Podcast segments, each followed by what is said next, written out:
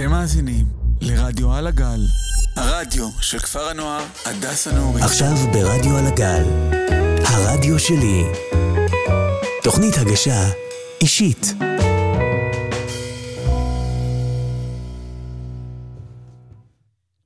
Всем привет, и мы на радио Аля Галь, на звуке Матвей, Даша и Стас. И это наш первый подкаст. С вами Арина. и Камила. Здесь мы будем говорить абсолютно обо всем и на любые темы. Давайте представимся, девочки.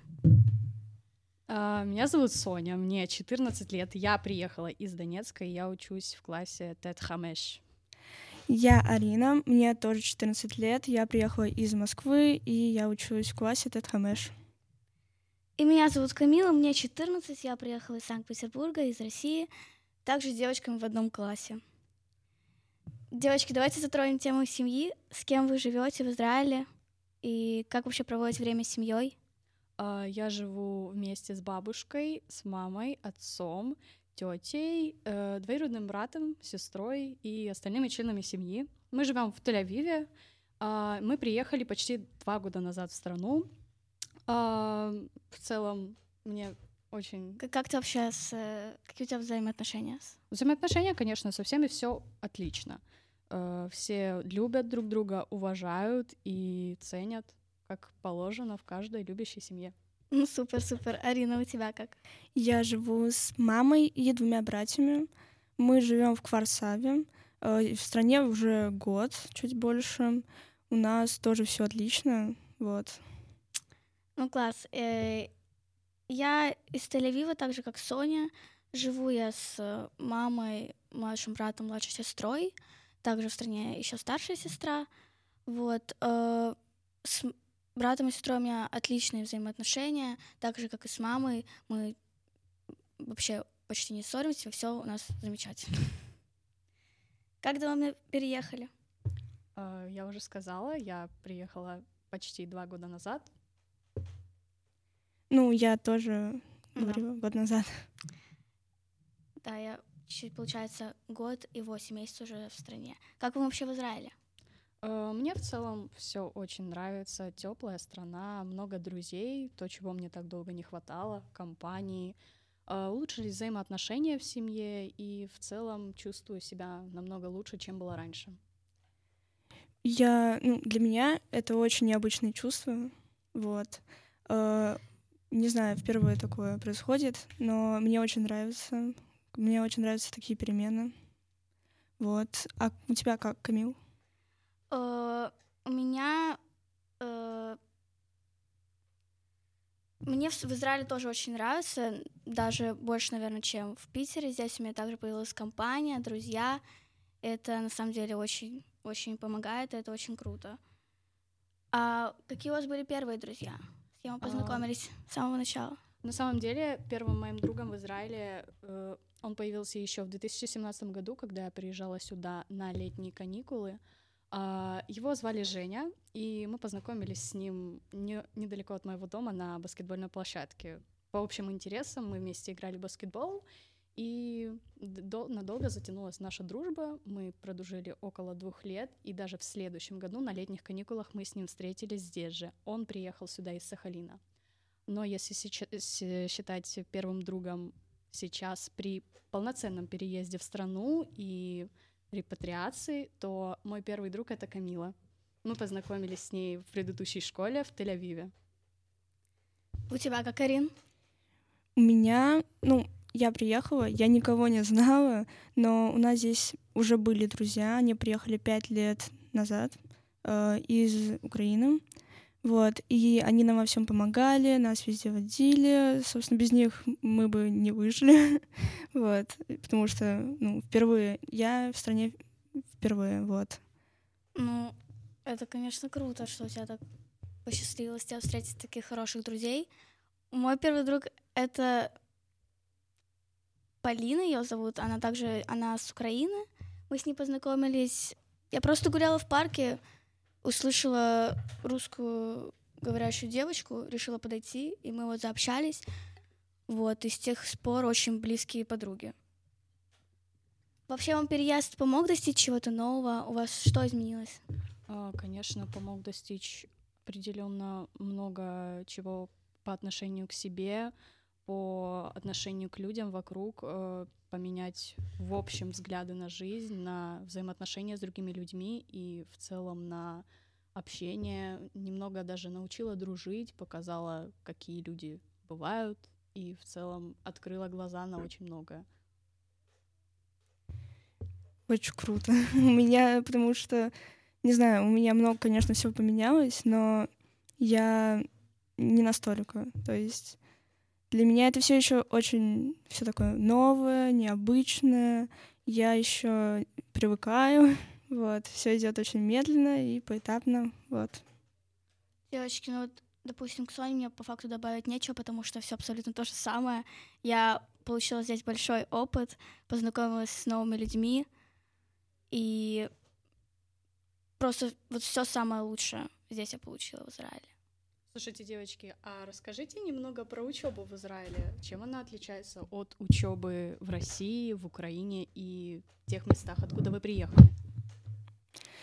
Ой, я в России э, ходила в частную школу, и, ну, с самого детства, не то чтобы она мне нравилась, там были хорошие люди, но с учебой было так себе. Вот, поэтому, когда я сюда приехала, я подтянула предметы, э, плюс новый язык. Это тоже такое новое для меня, так как в старой школе у меня были языки, но мы учили их несерьезно. Вот. И, в принципе, поменяла, можно сказать, я новое ощущение, так как, ну, учиться у моря — это, это очень необычно. На самом деле я полностью с тобой согласна. Я ставлю плюс под каждым твоим словом, потому что у меня вообще в целом изменилось окружение. Э, вот по приезду в Израиль я уже, получается, это моя вторая школа. Я отучилась год э, в Сабаре. Вот, можем чуть позже об этом даже поговорить. А, в Питере мне школа моя... Ну, здесь намного лучше, просто сразу скажу, что здесь мне намного больше нравится. А, здесь круче, здесь новые друзья. И, в принципе, учителя здесь очень хорошие. В России не совсем было так. Вот, поэтому я очень-очень рада, что перевелась сюда, особенно в Пнемию. Здесь мне очень-очень нравится. На самом деле девочки правы. Обучение в Израиле и касательно в Пнемии здесь тоже намного лучше, чем в предыдущих школах здесь или даже в Украине, России и тех школах, в которых я была до этого. Намного комфортнее проходит учеба, общение с одноклассниками, укрепляется намного в голове как бы такое знание дружбы и понятие взаимоотношений между людьми.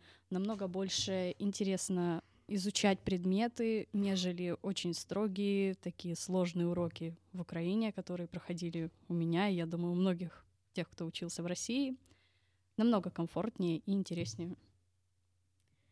А, как вообще, если мы затронули тему школы, может быть, тогда сегодня расскажем про то, как мы уч- отучились год целый с Сабарем? Да, мы целый год проучились в школе в Тель-Авиве.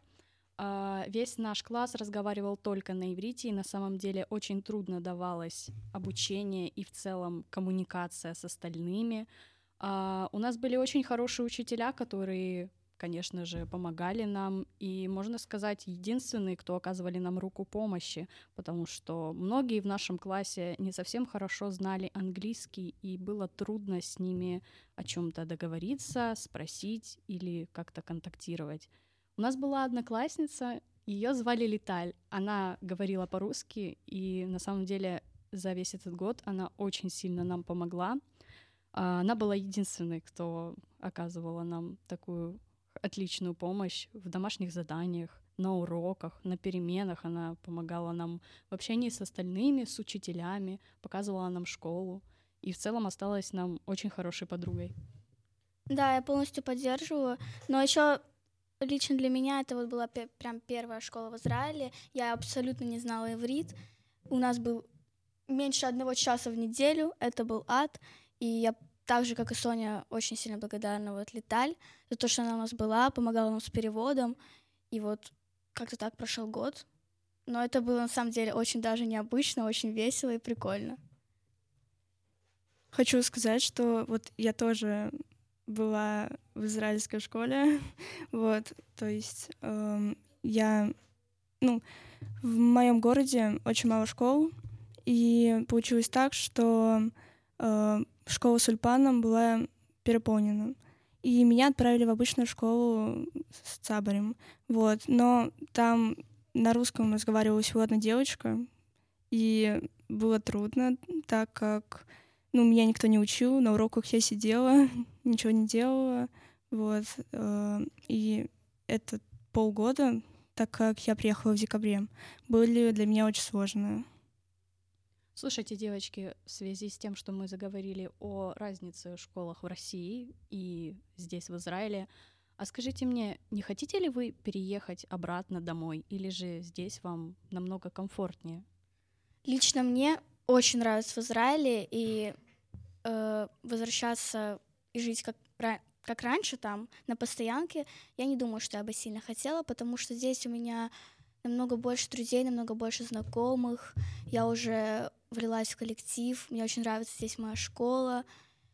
Я очень кайфую реально от жизни тут, и мне намного комфортнее здесь, чем нежели в Питере. Я полностью согласна, так как, ну, не знаю, столько стараний, столько всего, и обратно переезжать, думаю, как-то странно. Причем я думаю, что здесь самые яркие эмоции и очень крутое общество. На самом деле я очень сильно скучаю по своему городу, потому что там у меня осталось очень много друзей, и в связи с ситуацией в нашей стране немногие смогли покинуть ее, и я стала одной из тех, кто все-таки уехал. И, честно говоря, конечно же, обучение там давалось намного сложнее, потому что не было такой, грубо говоря, лафы, которую дают нам здесь для более комфортного обучения. Но все же есть, конечно, мысли о том, чтобы вернуться домой, увидеться с друзьями, погулять по родным улицам. Но на самом деле возвращаться уже смысла нет, потому что уже очень многое пройдено в Израиле, и нужно идти к этому дальше. Честно, то же самое. Очень скучаю по Питеру. У меня там все-таки были какие-то друзья и те же самые родные, которые остались э, в России. Очень-очень поэтому скучаю. А ты, Арин, как? Ну вот, э, наверное, единственное, почему я скучаю, это как раз-таки друзья, так как, ну, единственное, что у меня там было. Я очень часто с ними списываюсь, общаюсь с ними. Мы очень часто связываемся, созваниваемся. А как вам вообще родители рассказали о том, что вот такая ситуация, что вы должны переехать в другую страну? Um, ну, мне это сказали, можно сказать... Ой, мне это сказали за полгода. Мы подавали заявку специально э, на имя, ну, для того, чтобы переезжать. Но э, не получилось, так как, ну, мы очень долго ждали, пока нам ответят, но нам так и не ответили. И мы решили, что, наверное, надо самим, самим туда, не знаю, купить билеты, отправиться. вот. И, ну, мне кажется, это хорошая идея была. И я это нормально, ну, нормально отреагировала, я понимала, и, собственно, так все и было. На самом деле я уже давно знала и понимала, что моя будущая взрослая жизнь будет продолжаться здесь, в стране, потому что я родилась здесь, у меня здесь очень много родственников, я не раз побывала здесь, и я прекрасно понимала, что рано или поздно придется уехать, покинуть родной город, но тем не менее отреагировала я не менее спокойно, потому что заранее знала и понимала, что ждет меня, мою семью и мое будущее. У меня, я, получается, до этого, до переезда была в Израиле только один раз, и мы как раз приезжали получать гражданство, и мне здесь настолько сильно понравилось, что я упрашивала сама родителей переехать сюда. Мне, правда, очень хотелось быть тут, жить тут. Вот, в итоге так и получилось, и я, на самом деле, нисколечки не была расстроена. Я была очень-очень даже рада. А сейчас будет небольшая рекламная пауза. Музыкальная. Музыкальная пауза. Музыкальная пауза.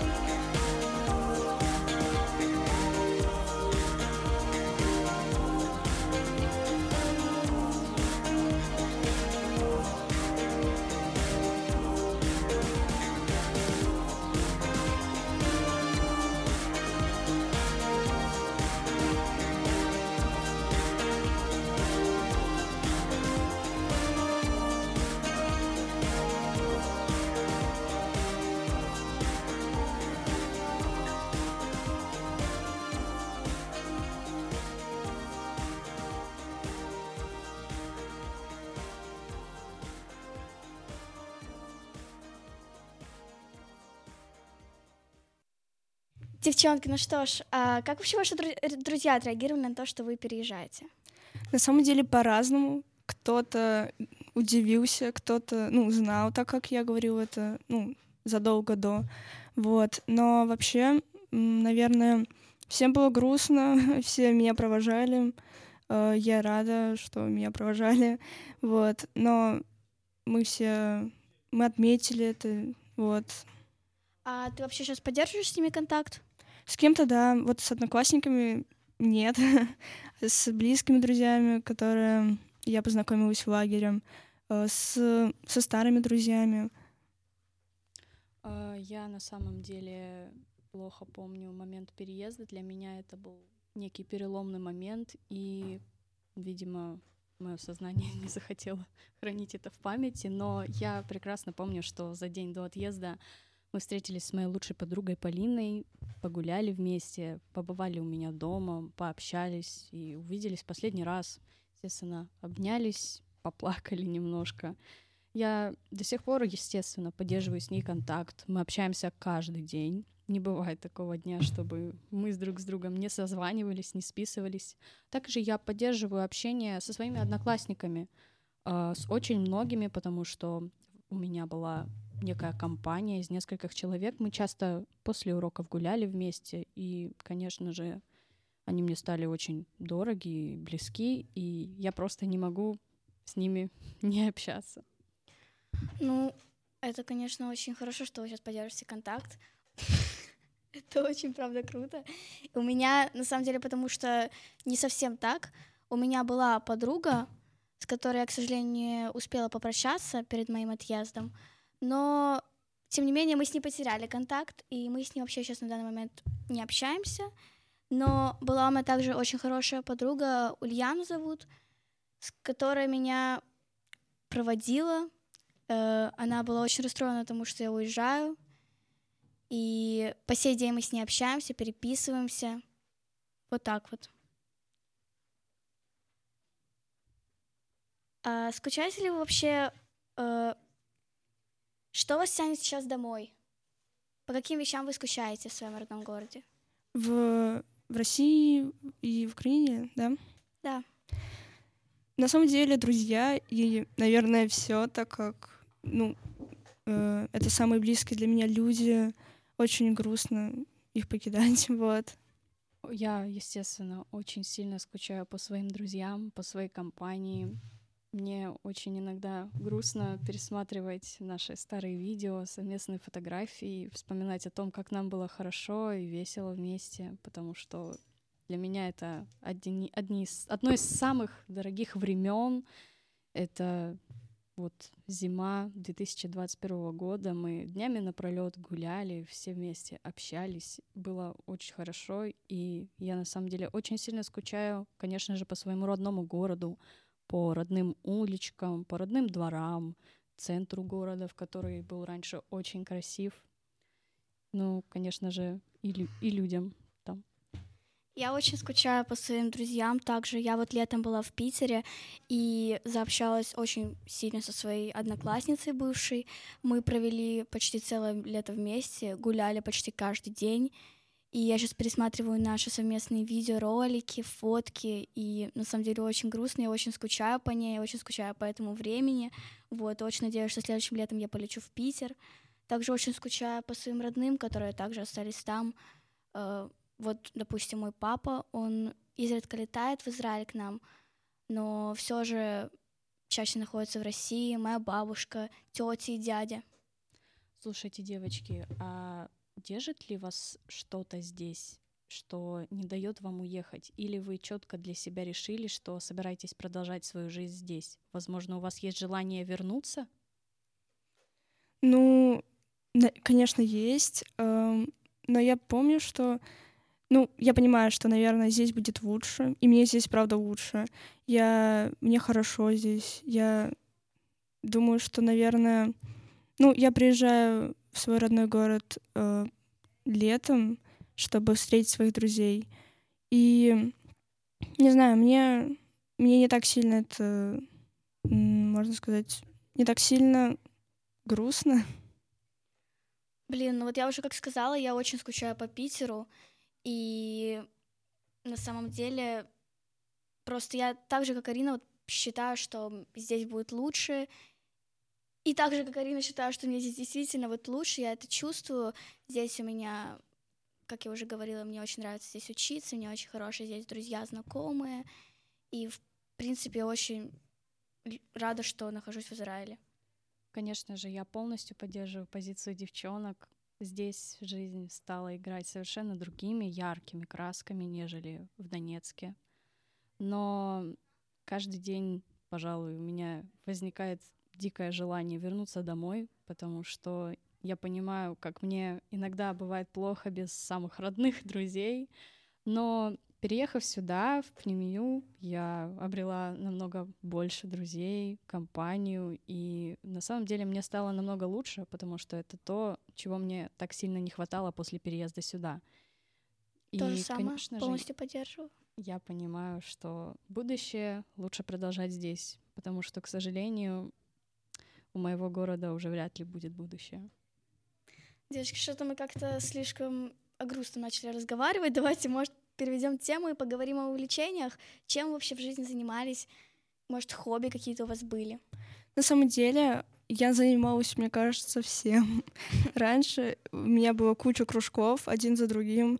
Вот, отличие от того, что происходит сейчас. эм, Вот. э, Я занималась танцами, я занималась э, пением, я занималась, можно, даже верховой ездой.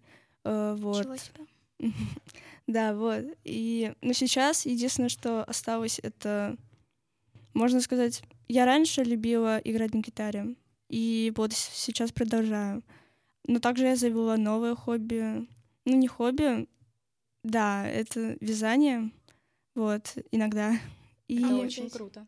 Спасибо. вот. И э, я начала ходить на серфинг в школе, спасибо э, школе. Вот, потому что я вообще не ожидала этого. Ой, ну я в Питере э, ходила, получается, какое-то время своей жизни я посвятила актерскому мастерству. Я ходила в лицей искусств. Там было и сольфеджио, и вокал, и гитара, и фортепиано, и сам театр. Я выступала на сцене. На самом деле это было очень трудно. Я помню, я сразу после школы туда, потом сюда, и это занимало очень-очень большое количество времени. Потом я приходила домой, мне еще нужно было делать кучу домашки. Вот. В итоге я выдержала так год в этом лице искусств и ушла. Вот. э, После этого продолжила какое-то время заниматься еще гитарой. Сейчас я тоже это забросила. Э, Но вот по приезду в Израиль я, получается, э, когда училась с Сабарем, э, год посвятила танцам. Я занималась кип-хопом. Вот. И, ну, вот сейчас по приезду в премию я ушла туда, потому что это, ну, нереально ходить туда и сюда. Но мне нравится по-прежнему танцевать, и, может быть, даже скоро я продолжу это. А, Конечно же, как и многие, я пыталась учиться играть на гитаре. К сожалению, безуспешно, потому что гитара была не новой, и было трудно как-то на ней блынкать, вот такими будем словами выражаться. А, Так же, как и Камила, я некоторое время посещала занятия по хип-хопу у себя в Донецке, и занималась я там несколько месяцев, возможно, около пяти, но быстро бросила, так как посчитала, что этот вид танцев мне не подходит. Ведь до этого я около восьми лет занималась художественной гимнастикой, участвовала во многих соревнованиях, занимала даже первые места, чем, конечно же, я горжусь по сей день. Несмотря на то, что у меня уже не осталось былой пластики, я с улыбкой вспоминаю те времена, когда общалась с девочками, с которыми занималась вместе, как мы выступали, переживали друг за друга. Все это было очень красиво и прекрасно, потому что художественная гимнастика — это на самом деле очень красивый вид спорта. Девочки, я, конечно, понимаю, что мы уже затрагивали эту тему, но давайте поговорим сейчас конкретно о том, как же вам живется в самой пневмии. Рады ли вы, что вообще перевелись сюда, и что вам тут больше всего нравится? Наверное, ну, вообще очень такой разнообразный вопрос, так как я вообще не ожидала, что я поступлю сюда, так как это для меня что-то новое. Я не слышу об этом. Вот. Но мне очень нравится. Мы тут как семья. У нас э, очень много различных кружков, очень э, атмосфера добрая, очень крутые люди. А, Конечно же, хочу согласиться со словами Арины. Мы здесь все действительно как одна большая семья. Хоть я нахожусь здесь буквально месяц, это совсем маленький срок, но люди здесь мне уже стали очень близки, если я могу так сказать о них. На самом деле я тоже не ожидала, что когда-то буду учиться в такого рода заведениях, потому что боялась, что продолжу учиться в обычной израильской школе в Тель-Авиве, где, как я уже говорила, обучение давалось очень тяжело, и я боялась, что мне будет очень трудно. Но на самом деле я очень рада, что перешла сюда. Здесь мне очень нравится друзья, учеба, учителя и вообще в целом Меня здесь все очень сильно устраивает. Ой, ну я полностью согласна. Мне в Пнеме очень-очень нравится. Мы, правда, делаем все вместе. Я нашла новых друзей, и у меня появилась компания, как я уже говорила. Здесь учиться мне очень нравится, здесь хорошие учителя, много кружков, здесь намного меньше свободного времени, чем было у меня раньше. И на самом деле это намного круче, потому что я вот помню, когда я училась опять же с Сабарем, я возвращалась домой в 11.25 и просто сидела дома, ничего не делая. А сейчас хотя бы у меня есть какой-то распорядок дня, кружки, секции, я как-то развиваюсь. А в каких девочки вообще странах были? Эм, я была... Я вообще мало где была, скорее к городам, но вот мне говорили, что в детстве я была в Белоруссии, я этого не помню. Ну и, наверное, все. Россия, Белоруссия, Украина, так как у меня там живет бабушка с папой, и Израиль. Все. На самом деле я мало где была, потому что ситуация в городе особо не позволяла его покидать, но тем не менее я была в Израиле, потому что здесь у меня родственники, друзья, и в целом это мое место рождения. Также я была в России всего лишь, наверное, два раза. Я была в Ростове, э, и все. Больше никаких стран я не посещала. Ой, ну я была в Эстонии очень-очень много раз, даже когда еще меня не было, когда еще даже не родилась, я была в Эстонии. Очень-очень много раз, очень-очень-очень. Я была в Великобритании, я была в Беларуси, я была в Греции, я была в Турции, я была в Болгарии, когда была очень маленькая. Вот. э, Вот такие дела. А сейчас мы переключаемся на музыкальную паузу.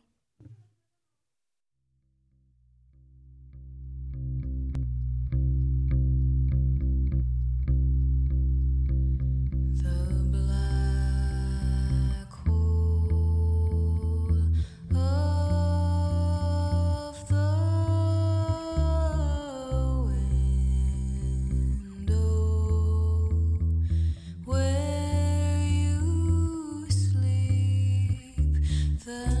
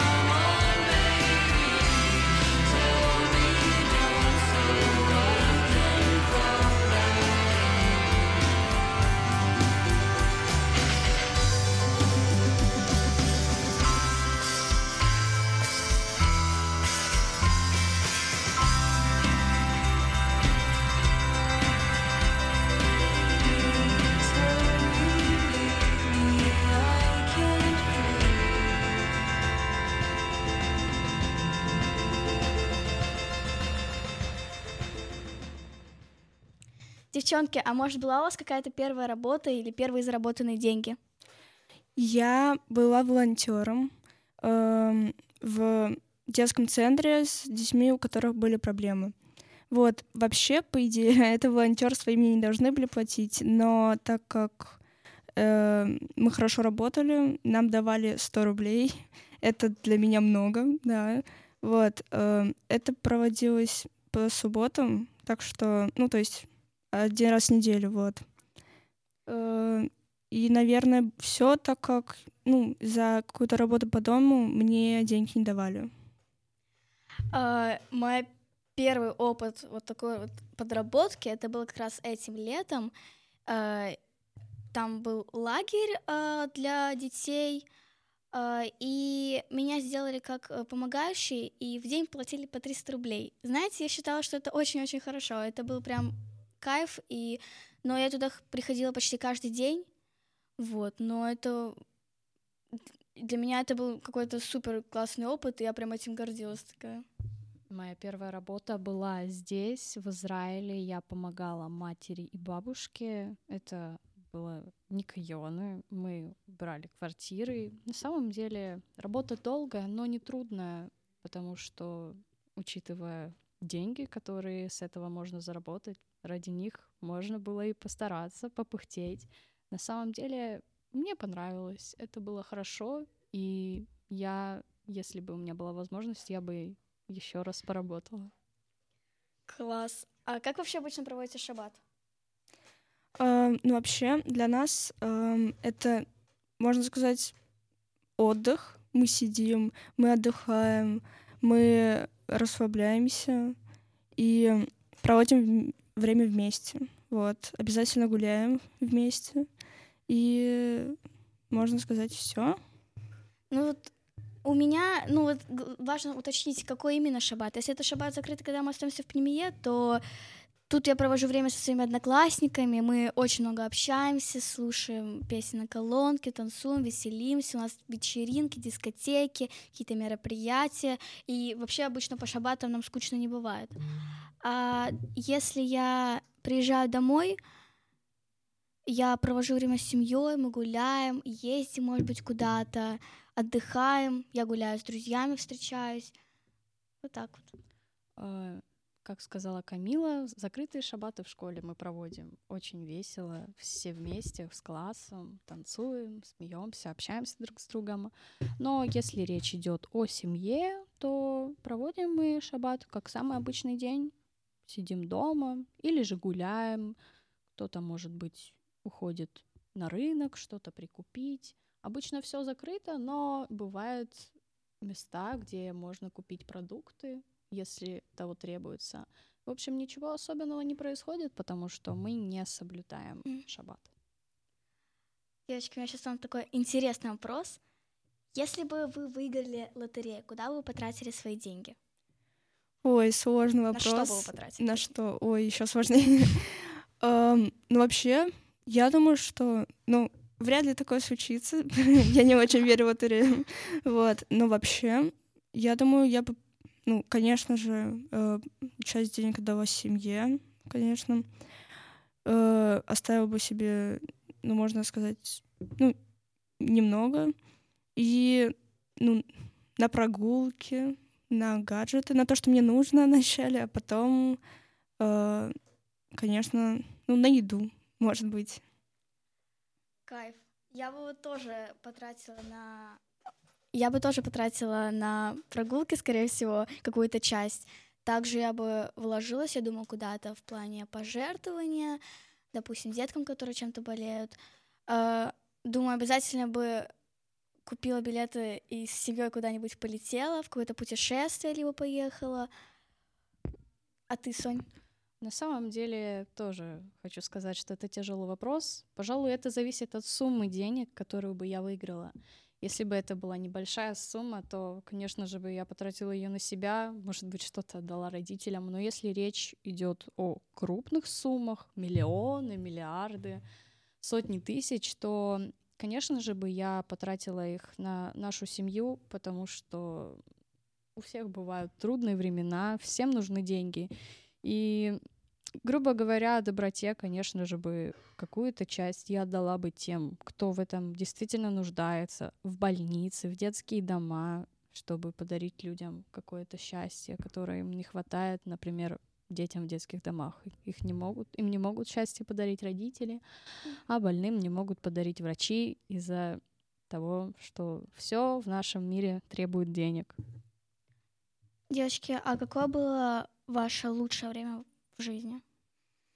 Наверное, это после того, как эм, я приехала в Россию обратно. Эм, ну, когда я была в Израиле, я ни с кем не общалась, так как все было новое. А потом я приехала в Россию к друзьям на лето. И мне кажется, это было самое лучшее время. Было... Мы много гуляли, много общались. Мы очень сильно подружились. Вот. Ой, круто, Арина. У меня, на самом деле, вот ты же про лето говорила, да, это что оно было у тебя классное? Мгм. Вот то же самое, у меня это лето было очень запоминающимся, очень веселым, очень э, необычным. Я также очень много времени проводила на улице. Если сравнивать особенно с э, летом 2022 22 году, то это лето было намного лучше, намного веселее, намного круче особенно потому, что я встретилась со своими родными спустя полтора года, и это было очень незабываемо. Также я очень хорошо помню 2019 год, это он тоже очень сильно отложился в моей памяти. Я помню, мы с семьей очень часто путешествовали, а мне это прям очень-очень нравится. И я там и в Греции, и в Турции, и в Сочи была много раз, поэтому много на самом деле было классных моментов. Честно говоря, лучший момент жизни — понятие, если можно сказать так, растяжимое, потому что я думаю, что этот лучший момент жизни еще настанет, но из самых солнечных, добрых и тех воспоминаний, которые хранятся у меня, это, конечно же, времена в Донецке, времена с моими друзьями, с моей компанией, с моими одноклассниками. И, пожалуй, это будет зима. Зима — это мое самое любимое время года. Праздники, Новый год, лично у меня день рождения. И снег — одна из самых прекрасных погод. Я прекрасно помню, как мы с одноклассниками после уроков забегали в магазин, бежали на детскую площадку возле дома, веселились, смеялись, общались, кидались друг другу со снегом. Все это очень хорошо отложилось в моей памяти, и я считаю это одним из самых лучших моментов. Девочки, что для вас важнее, как вы считаете, по вашему мнению, ум или внешность? Ну, наверное, ну, это очень сложный тоже вопрос. Наверное, ум, потому что, ну, внешность — это хорошо, но с умом ты можешь, я не знаю, приобрести, можно так сказать. На самом деле вопросик такой с подковырочкой, потому что я не думаю, что ни- на него можно дать точный ответ. Это зависит только от человека. И лично я не могу выбирать между этими двумя, потому что все в нашей жизни играет роль. Кто-то смотрит только на оболочку человека, кто-то смотрит глубже и ценит то, что хранится внутри. На самом деле в наше время, грубо говоря, многие оценивают только по внешности, и очень нужно следить за собой, конечно же, тем, кто хочет, может использовать косметику, кто-то может использовать красивые наряды. На самом деле красоту природную вот так вот заработать не получится, потому что у каждого она своя, и ее можно только подправить, если кого-то она не устраивает. А что касается ума, конечно же, ум можно заработать, можно учиться, стараться, получать знания, если у тебя есть желание стремиться к этому. Но сравнивать эти два очень даже, на самом деле, я бы сказала глупо, потому что у каждого свои предпочтения. Может быть, кого-то интересуют больше умные люди, которые могут поддержать интеллектуальный разговор, а кому-то просто нужен красивый человек рядом. Соня, даже не знаю, что добавить, потому что согласна с тобой просто абсолютно на, обо всем. Все, что ты сказала, я полностью поддерживаю. Действительно, каждый человек смотрит на то, что ему хочется. Кто-то кому-то важно, чтобы у его, допустим, друга была красивая внешность, а кто-то смотрит на то, что у человека внутри, и ему важно то, то, о чем он думает, то, о чем он считает, то, какие у него мысли, а кому-то просто, ну, вот, допустим, в наше время важно тиктоки поснимать. Важно, как Хороший человек пример. выглядит. Да, как важно, знаем как человек. Важно, как человек выглядит, как он одевается, есть ли на нем косметика и так далее. Кстати говоря, хочу добавить, что лично для меня одно из самых важных качеств это чувство юмора, потому что с веселым человеком, с веселым человеком всегда смешнее, как бы это примитивно не Не звучало, скучно, короче. не скучно, интересно, и если у собеседника хорошее чувство юмора всегда, то это, конечно же, всегда помогает натянуть улыбку на лицо и иметь при себе хорошее настроение. Класс. Девочки, я дум- у нас получился очень классный диалог. И я над- хочу большое сказать спасибо а, Матвею, Даше и Стасу. И до новых встреч. С вами была Камила. Арина. И Соня. Всем пока-пока. Пока!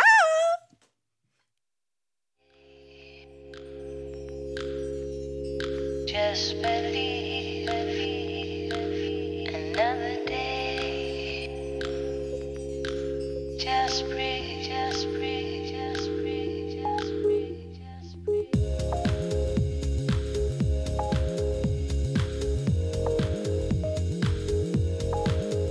אתם מאזינים לרדיו על הגל, כפר הנוער הדס הנעורים.